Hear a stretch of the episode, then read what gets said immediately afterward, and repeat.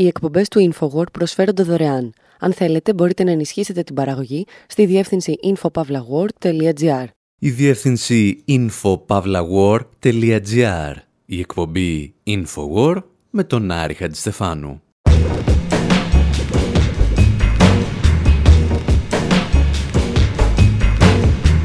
όπου σήμερα ακούμε από ένα τραγουδάκι για κάθε ένα από τα διασημότερα mugshots της ιστορίας, τις φωτογραφίες κρατουμένων.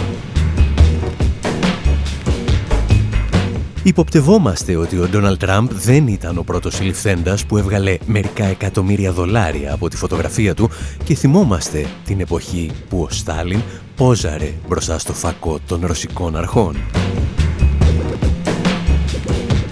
Μαθαίνουμε ότι η Ρόζα Πάρκ, εκτός από το να μην παραχωρεί τη θέση της σε ένα λεωφορείο, είχε πάρει και ένα αδιευκρίνιστο ποσό από το συγκρότημα Outcast, επειδή χρησιμοποίησαν το όνομά της επιματέο. Αναρωτιόμαστε τι κοινό είχε ο Αλκαπόνε με τον Παμπλό Εσκομπάρ και απαντάμε ότι και οι δύο χαμογελούσαν στα mugshots τους. Και ύστερα εξηγούμε γιατί τα αμερικάνικα mugshot δεν πρέπει να υπάρχουν και τι σχέση έχουν με όλα αυτά το Πασόκ και ο Ανδρέας Λοβέρδος. You never thought I'd rock that rich So you thought I popped and switch Never thought I'd bop like this Feeling like Missy meets clips Cause this beat so heavy Feeling like a pretty boy on the run named Jeremy Meeks, but I still make them come. When I lick my lips, yum yum, they know I beat it up, but I'm pum pum. Modern day Michael Jackson, rebirth of the pop king. Please say some, no Grammys to my name yet. Mm, some, man, I need a vacation. Time alone to get a meditation. No cellular phone, just pure relaxation. If you wanna reach me, you need a smoke signal. Ο Τζέρομ Άραμπ από τη Ζιμπάμπουε υποστηρίζει ότι είναι ένα όμορφο αλλά κυνηγημένο αγόρι. Δεν είμαι λέει και ο Τζέρεμι Μίξ, αλλά ξέρω να κάνω τις γυναίκες να χαίρονται.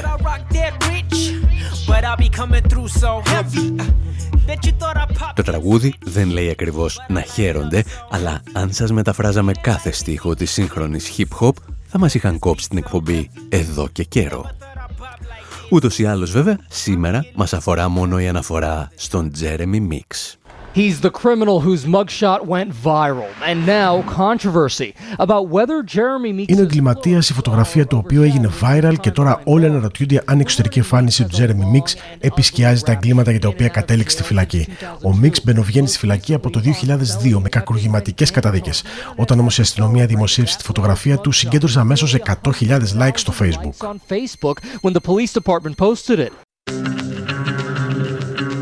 Ο Τζερέμι Μίξ ήταν ο μαύρος κρατούμενος που έγινε διάσημος από τη φωτογραφία της σύλληψής του. Έγινε μάλιστα τόσο διάσημος, ώστε στη συνέχεια ακολούθησε καριέρα μοντέλου. Το 2019, ο γερμανικός οίκος GmbH του προσέφερε 15 εκατομμύρια δολάρια για να λανσάρει την τελευταία του κολεξιόν. Και μπορεί η εταιρεία να βάρεσε κανόνι μερικά χρόνια αργότερα, αλλά αυτό δεν αλλάζει την ουσία της ιστορίας μας. Ο Τζέρεμι Μίξ είναι ο πρώτος άνθρωπος που έβγαλε εκατομμύρια δολάρια από το mugshot που τράβηξε η αστυνομία. Τουλάχιστον μέχρι τη στιγμή που φωτογραφήθηκε και ένας άλλος κύριος. Το ρεπορτάζ έχει ο Ice Cube.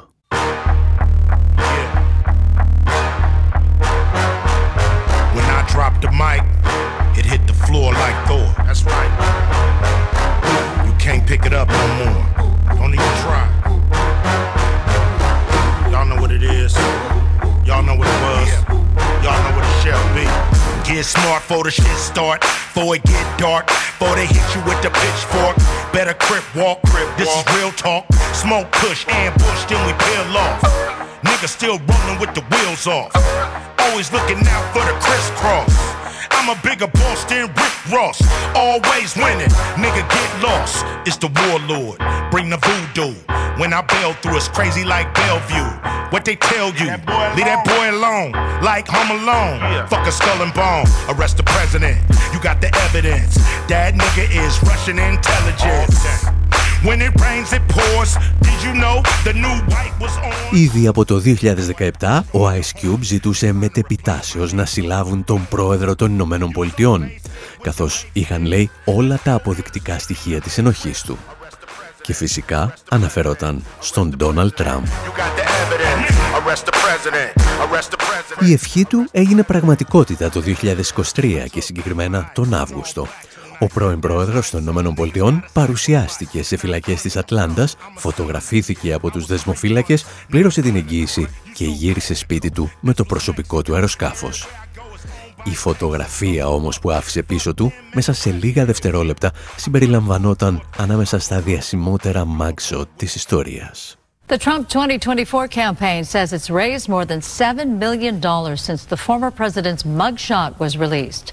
Trump was booked into the Fulton County Υπεύθυνοι της προεκλογικής εκστρατείας του Τραμπ για τις εκλογές του 2024 ανακοίνωσαν ότι συγκέντρωσαν τουλάχιστον 7 εκατομμύρια δολάρια από τη στιγμή που κυκλοφόρησε η φωτογραφία του πρώην Προέδρου από τη φυλακή. Είναι ο πρώτος πρώην Πρόεδρος στην Αμερικανική ιστορία που έχει mugshot.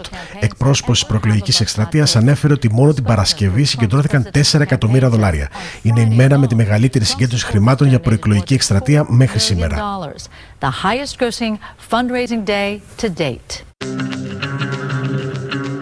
Για την ιστορία, 7 εκατομμύρια είχαν συγκεντρωθεί όταν σκεφτήκαμε να κάνουμε αυτή την εκπομπή. Όταν την ηχογραφούσαμε, είχαν φτάσει τα 11 εκατομμύρια δολάρια και δεν ξέρουμε πού βρίσκεται το ποσό όταν εσείς θα την ακούτε. Κάπου εδώ όμως υπάρχει ένα μικρό πρόβλημα. Γιατί εδώ και περίπου δύο αιώνες οι φωτογραφίες των κρατουμένων αποτελούσαν επίδειξη ισχύως του κράτους, δηλαδή του εκπροσώπου των ισχυρών, απέναντι στους ανίσχυρους. Και για να καταλάβουμε καλύτερα αυτή την ανατροπή που υποτίθεται ότι επιχειρεί τώρα ο Τραμπ, σκεφτήκαμε σε αυτή την εκπομπή να πιάσουμε την ιστορία των mugshots από την πολύ αρχή.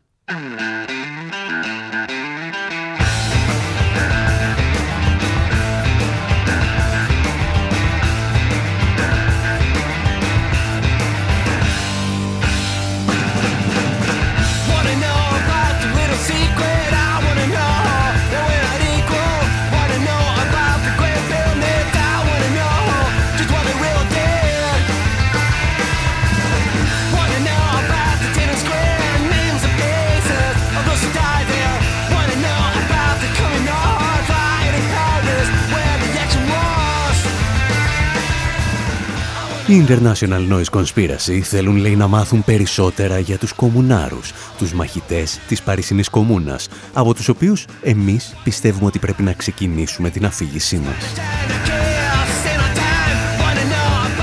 Οι ιστορικοί διαφωνούν για το πότε χρησιμοποιήθηκε το πρώτο mugshot, πότε λήφθηκε δηλαδή η πρώτη φωτογραφία κρατούμενου για αρχιοθέτηση. Κάποιοι αποδίδουν το γεγονός στις βελγικές αρχές και ξεκινούν την ιστορία τους στη δεκαετία του 1840. Η Washington Post υποστήριζε πρόσφατα ότι το πρώτο mugshot μας πηγαίνει στη Βρετανία του 1880.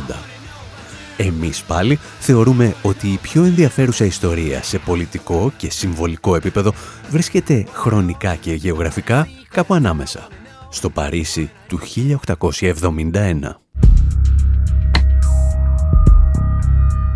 Όπως εξηγούμε και στο βιβλίο «Προπαγάνδα και παραπληροφόρηση», όταν ήταν πλέον σαφές ότι οι κομμουνάροι έχαναν τον έλεγχο του Παρισιού, ένας φωτογράφος, ο Ερνέστα Πέρ, επισκέφθηκε τις φυλακές όπου κρατούνταν ορισμένα από τα ηγετικά στελέχη της εξέγερσης. Σε συνεργασία με τις αρχές, φωτογράφησε τους κρατούμενους και πραγματοποίησε το πρώτο πολιτικό φωτομοντάζ της ιστορίας. Ο Απέρ προσέλαβε ηθοποιούς και σκηνοθέτησε μαζικές εκτελέσεις αμάχων.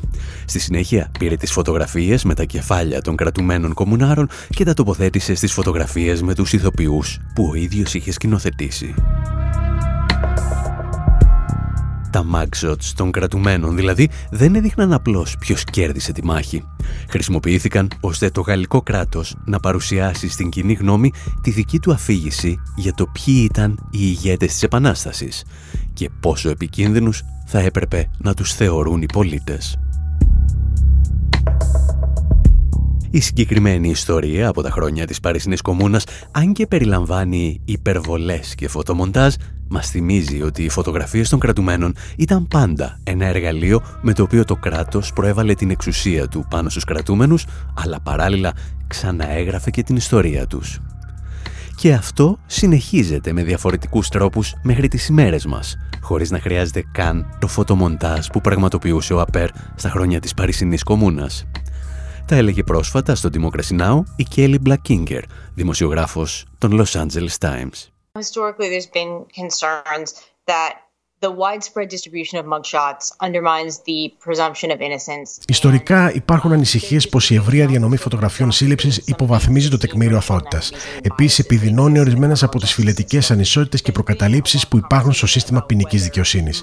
Γίνεται μεγάλη συζήτηση για το κατά πόσο οι φωτογραφίες σύλληψης θα έπρεπε να δημοσιεύονται. Νομίζω τα τελευταία χρόνια η συζήτηση επικεντρώνεται στο κατά πόσο θα πρέπει να διανέμονται από τα μίντια μια ξεχωριστή κουβέντα από το κατά πόσο θα πρέπει να δημοσιεύονται γενικά should actually be released. Για να φέρουμε τη συζήτηση στα δικά μας χωράφια, θυμηθείτε τις φωτογραφίες των οροθετικών γυναικών που προώθησε στα μέσα ενημέρωσης το Πασόκ και ο Ανδρέας Λοβέρδος. Η κυβέρνηση και το κράτος δεν προέβαλαν απλώς την εικόνα του νόμου και της τάξης. Αποκτούσαν το μονοπόλιο στην αφήγηση της ιστορίας αυτών των γυναικών.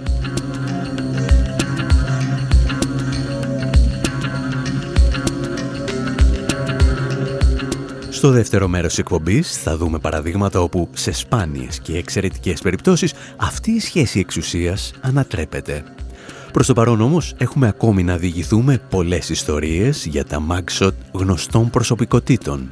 Και ξεκινάμε από τον κρατούμενο Ιωσήφ Στάλιν. Well, no, Stalin wasn't stalling when he told the beast of Berlin that they'd never rest contented till they had driven him from the land. So we called the Yanks and English and proceeded to extinguish the Führer and his vermin. This is how it all began. Now the devil he was reading in the good book one day how the Lord created Adam to walk the righteous way.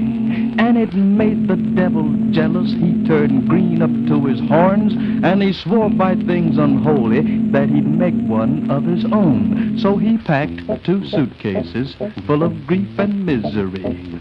And he caught the midnight special going down in Germany. Then he mixed his lies and hatred with fire and brimstone. Then the devil sat upon it. That's how Adolf was born. Now Adolf got the notion that he was the master race, and he swore he'd bring new order and put mankind in its place. So he set his scheme in motion and was winning everywhere until he up and got the notion for to keep that Russian bear. Well, now Stalin wasn't stalling when he told the beast of Berlin that he'd never rest contented till they had driven him from the land. So he called the Yanks and English and proceeded to extinguish Στα χρόνια του Δευτέρου Παγκοσμίου Πολέμου, το συγκρότημα The Golden Gate Jubilee Quartet τραγουδά «Το Stalin wasn't stalling». Ο Στάλιν δεν χρονοτριβεί. Το τραγούδι γράφεται για τις ηρωικές μάχες του κόκκινου στρατού απέναντι στα στρατεύματα της ναζιστικής Γερμανίας. Ήταν βλέπετε η εποχή που ο Αμερικανός πρόεδρος Φρανκλίν Ρούσβελτ εξυμνούσε ακόμη το έργο του Στάλιν στον πόλεμο λέγοντας ότι ο κόσμος δεν έχει γνωρίσει μεγαλύτερη αφοσίωση, αποφασιστικότητα και αυτοθυσία από αυτή που δείχνει ο ρωσικός λαός και ο στρατός του υπό την ηγεσία του Ιωσήφ Στάλιν.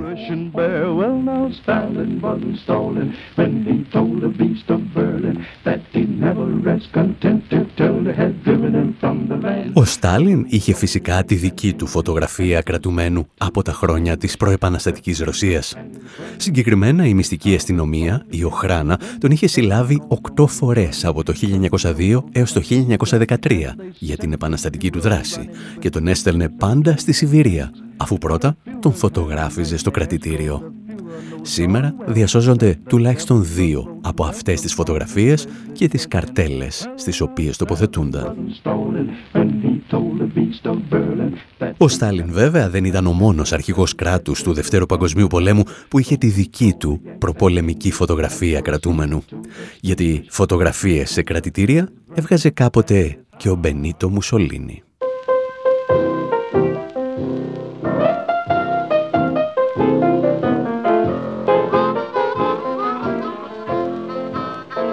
I've got to check up on my baby. I've got to see how my baby been getting along. But I've got to go and check up on my baby.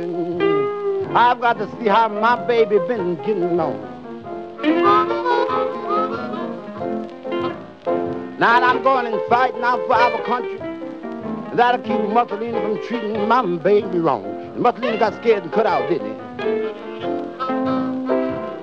Now, don't you know what Hitler told President Roosevelt? So we made the fastest our plan was. Our President Roosevelt, I think you're telling a lie, brother. So we got our plan. Just built up like a squirrel, and I send my boys to check up on their baby. Um, uh, my boys must see how their baby been getting along. Ο Sonny Boy Williamson ο πρώτος τραγουδά το Check Up on My Baby στα μέσα της δεκαετίας του 40 και δεν πρέπει επουδενή να τον συγχαίουμε με τον Soy Boy Williamson το δεύτερο, ο οποίος τραγουδούσε το Checking Up on My Baby στα μέσα της δεκαετίας του 60. Πρέπει, έλεγε ο Sonny Boy Williamson ο πρώτος, να πάω να τσεκάρω αν είναι καλά το μωρό μου. Πρώτα όμως πρέπει να πάω να πολεμήσω τον Μουσολίνη για να είμαι σίγουρος ότι δεν θα πειράξει το μωρό μου. Ο ήρωας του τραγουδιού λοιπόν άφησε την αγάπη του για να πολεμήσει τον φασίστα Μουσολίνη. Ο Μουσολίνη από την πλευρά του, πριν γίνει επισήμως φασίστας, είχε εγκαταλείψει τα πάντα για να μην πολεμήσει. Στα νιάτα του, ο Μουσολίνη ήταν αρνητής στράτευσης. Συγκεκριμένα, έφυγε κρυφά από την Ιταλία και ταξίδεψε στην Ελβετία για να γλιτώσει τη στρατιωτική του θητεία. Εκεί όμως οι αρχές τον συνέλαβαν το 1903 και τον επέστρεψαν πακέτο στην Ιταλία. Και από εκείνη τη σύλληψη έχουμε το μοναδικό mugshot του Ιταλού μετέπειτα φασίστα δικτάτορα.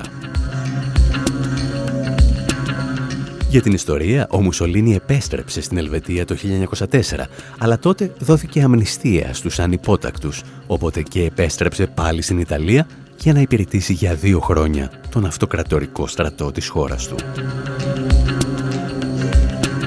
Ευτυχώς πάντως για εμάς, εκτός από το Μάξοτ, ο Μουσολίνη άφησε και άλλη μια φωτογραφία για να τον θυμόμαστε.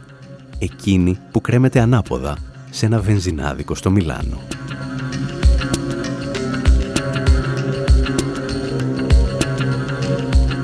Εσείς πάλι μένετε εδώ και όρθιοι, γιατί στο δεύτερο μέρος της εκπομπής έχουμε να ακούσουμε πολλά ακόμη τραγούδια και να διηγηθούμε περισσότερες ιστορίες για φωτογραφίες κρατουμένων. Να μην ξεχνάτε ότι ιστορίες σαν και αυτές και κάμια πεντακοσαριά ακόμη podcast μπορείτε να βρείτε στη σελίδα μας info.pavlawar.gr Οι εκπομπές του InfoWord προσφέρονται δωρεάν. Αν θέλετε, μπορείτε να ενισχύσετε την παραγωγή στη διεύθυνση infopavlagor.gr.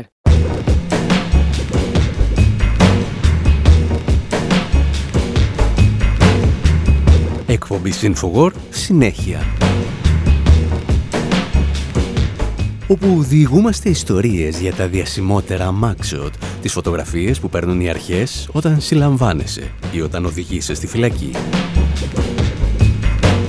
Μιλήσαμε και τραγουδήσαμε για τις φωτογραφίες των κομμουνάρων και του Στάλιν, αλλά και για τα mugshot του Τραμπ και του Μουσολίνη.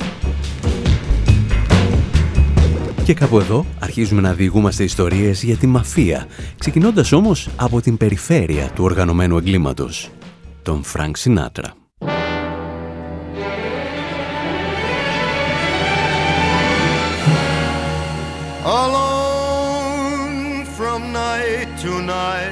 You'll find me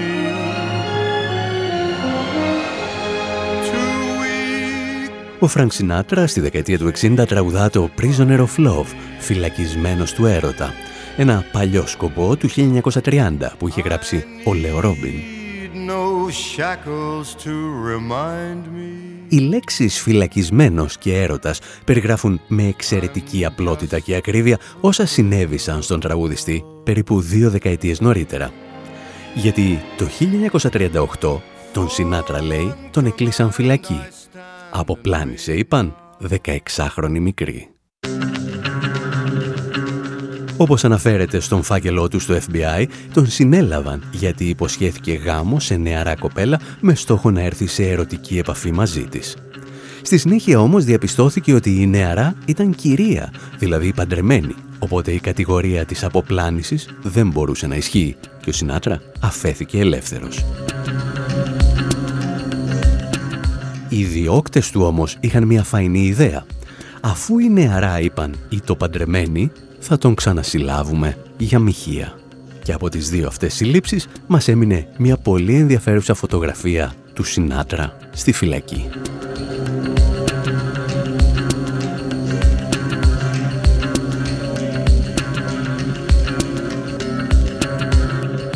Το να συλλαμβάνεις για αποπλάνηση και πολύ λιγότερο για μοιχεία έναν άνθρωπο που είχε καθημερινές επαφές με τη μαφία είναι μία από εκείνες τις ιδιαιτερότητες του Αμερικανικού συστήματος απονομής δικαιοσύνης. Μία ιδιαιτερότητα την οποία κατάφεραν να τελειοποιήσουν στην περίπτωση του Αλ Καπόνε, για τον οποίο θέλει να μας πει πρώτα δύο κουβέντες ο Μάικλ Τζάκσον.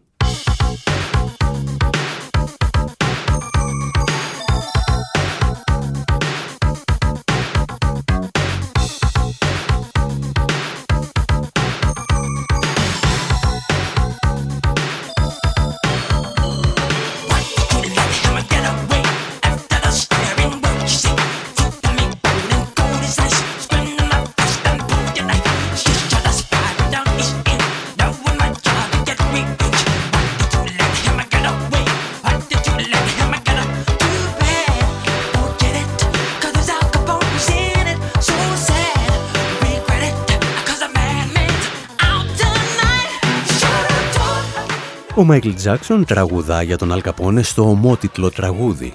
Και αν σας θυμίζει κάτι η μουσικούλα και η στίχη, είναι γιατί το Αλκαπόνε αποτελεί μια πρώιμη εκδοχή του περίφημου Smooth Criminal.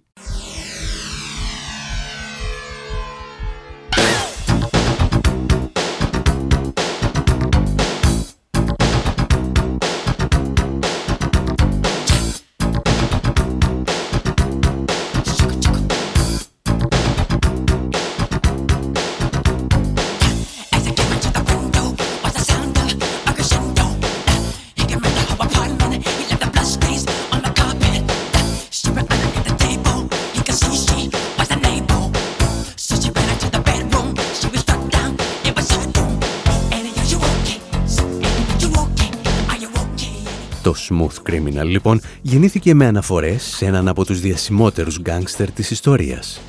Τον άνθρωπο που οι Αμερικανικές αρχές κατάφεραν τελικά να οδηγήσουν στη φυλακή όχι για τα εκατοντάδες εγκλήματά του, αλλά για ορισμένες φορολογικές αταστάλειες. Η σύλληψη πάντως θα μας δώσει τη φωτογραφία που περιμέναμε. Μόνο που σε αυτήν την περίπτωση υπήρχε ένα μικρό πρόβλημα ο κατάδικος χαμογελούσε στο φακό. Ο Αλκαπόνε δεν προσέρχεται στη φυλακή σαν ένας φτωχοδιάβολος από αυτούς που συνθλίβουν τα λεγόμενα συστήματα σοφρονισμού. Προσέρχεται ως εκπρόσωπος ενός τμήματος του οικονομικού κατεστημένου, το οποίο χρησιμοποιεί το κράτος σαν εργαλείο του. Είναι η εποχή που οι νονοί της Αμερικανικής μαφίας ανεβοκατεβάζουν προέδρους, όπως τον Τζον Φιτζέραλ Κέννεντι, Επίσης, είναι η εποχή που αποφασίζουν για την τύχη ολόκληρων χωρών, όπως της Κούβας. Περίπου δηλαδή ότι έκανε 5.000 χιλιόμετρα νοτιότερα ο Πάμπλο Εσκομπάρ, ο οποίος δεν χαμογελούσε απλώς στην φωτογραφία της φυλακής. Δυσκολευόταν να κρατήσει τα γέλια του. Yo soy Pablo Emilio Escobar Gaviria.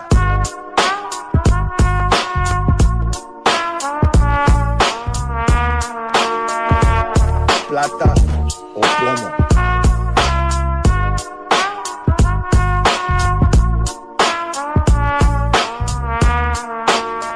Όταν οι αρχές του Μεντεγίν κατάφεραν να συλλάβουν για πρώτη φορά και να φωτογραφίσουν τον Πάμπλο Σκομπάρ στα μέσα της δεκαετίας του 70, ο ίδιος έστελνε 70 με 80 τόνους κοκαίνης το χρόνο μόνο στις Ηνωμένες Πολιτείες. Και σύμφωνα με ορισμένους ιστορικούς, ήταν ίσως ο πλουσιότερος άνθρωπος στον κόσμο εκείνη την εποχή. Κάτι δηλαδή σαν τον Έλλον Μάσκ με τη διαφορά ότι ο Εσκομπάρ ήταν πιο δημοφιλής στη χώρα του αφού υποκαθιστούσε δομές ενός ανύπαρκτου κράτους πρόνοιας της Κολομβίας.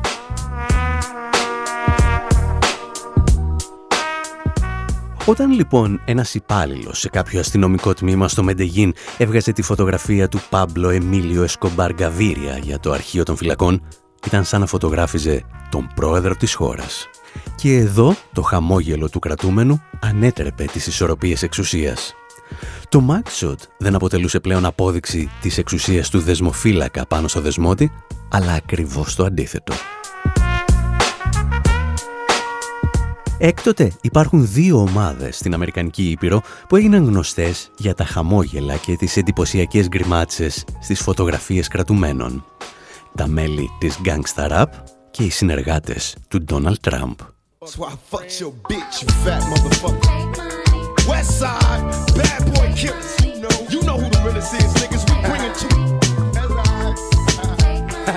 First off, fuck your bitch in the click you claim. West side, when we ride, come equipped with game. You claim to be a player, but I fucked your wife. We bust on bad boys, niggas fuck for life. Plus, Puffy trying to see me weak, hearts I rip. Biggie Smalls and Junior Mafia, some mark ass bitches. We keep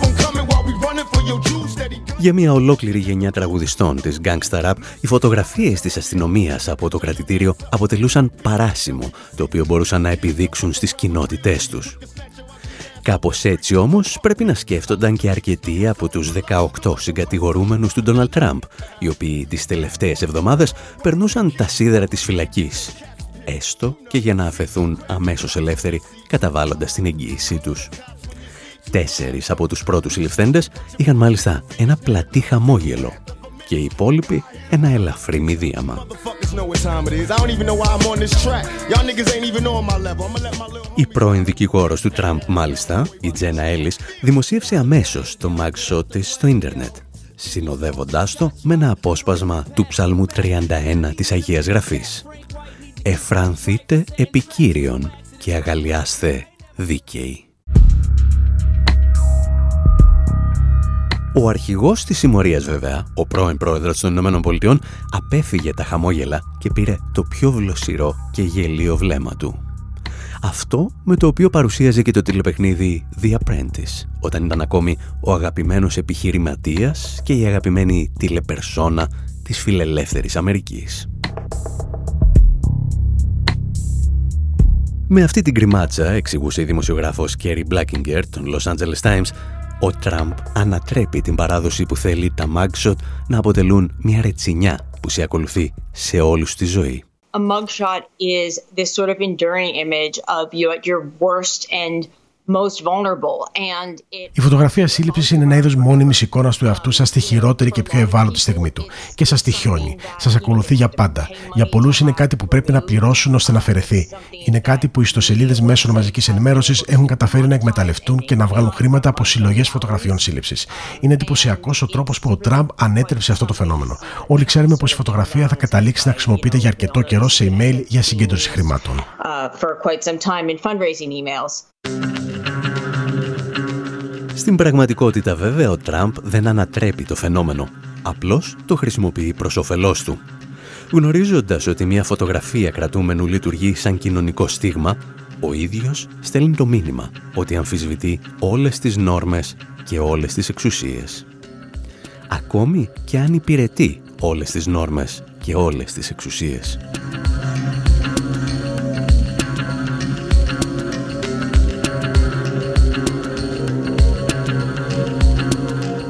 Εμάς πάλι, σε αυτή την εκπομπή, εξακολουθούν να μας ενδιαφέρουν περισσότερο οι άνθρωποι που αμφισβήτησαν πραγματικά τις νόρμες και τις εξουσίες και γι' αυτό κατέληξαν στη φυλακή. Όπως η επόμενη φωτογραφία κρατούμενου της ιστορίας από τη σύλληψη της Ρόζα Πάρξ.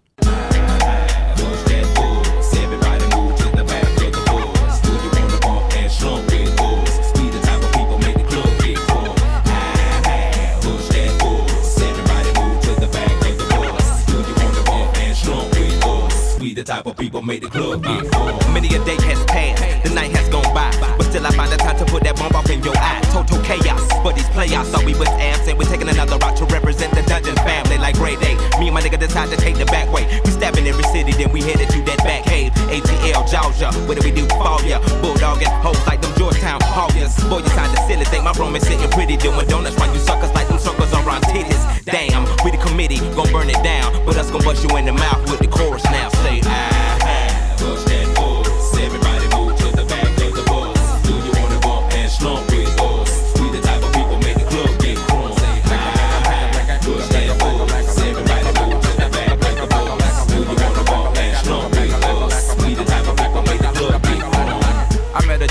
gypsy and she hit me to some life game to stimulate and activate the left and right brain. Say, baby boy, you only funky at your last cut. You focus on the past, your ass to be your has what. That's one to live by, or either that's one to die to. I try to just throw it at you, determine your own adventure, Andre.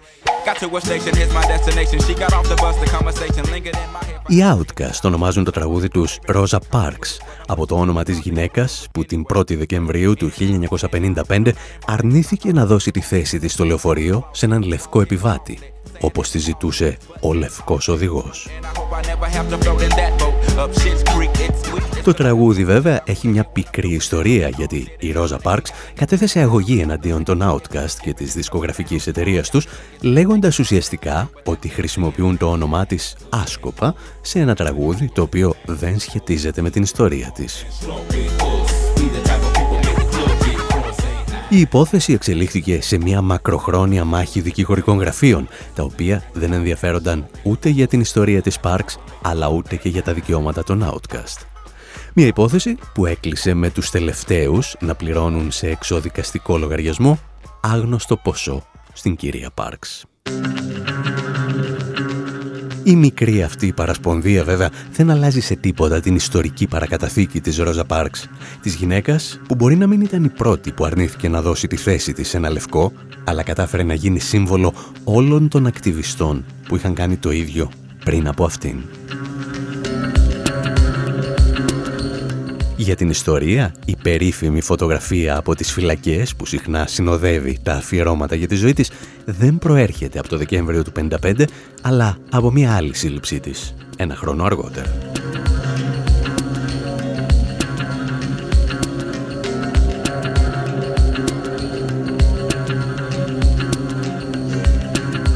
Τη δική του συλλογή από φωτογραφίες σύλληψης είχαν φυσικά όλα σχεδόν τα προβεβλημένα στελέχη του αγώνα για τα δικαιώματα των μαύρων, όπως ο Μάρτιν Λούθερ Κίνγκ, ο Μάλκομ Χ και φυσικά ο Χιούι Νιούτον από τους Μαύρους Πάνθυρες. Παρεπιπτόντος από τις τρεις αυτές προσωπικότητες, οι πρώτοι δύο, δηλαδή ο Μάρτιν Λούθερ Κίνγκ και ο Μάλκομ Χ, μετά τα Mugshot έγιναν και γραμματόσημα, όταν πλέον το σύστημα που τους έστελνε στη φυλακή θεωρούσε ότι δεν απειλείται από αυτούς. Και ίσως γι' αυτό οι Public Enemy να τραγουδούσαν «Οι περισσότεροι από τους φίλους μου δεν έχουν γίνει γραμματόσημο». Ένας διαφορετικός τρόπος να πεις ότι με όσους αράζω έχουν δικαστήρια.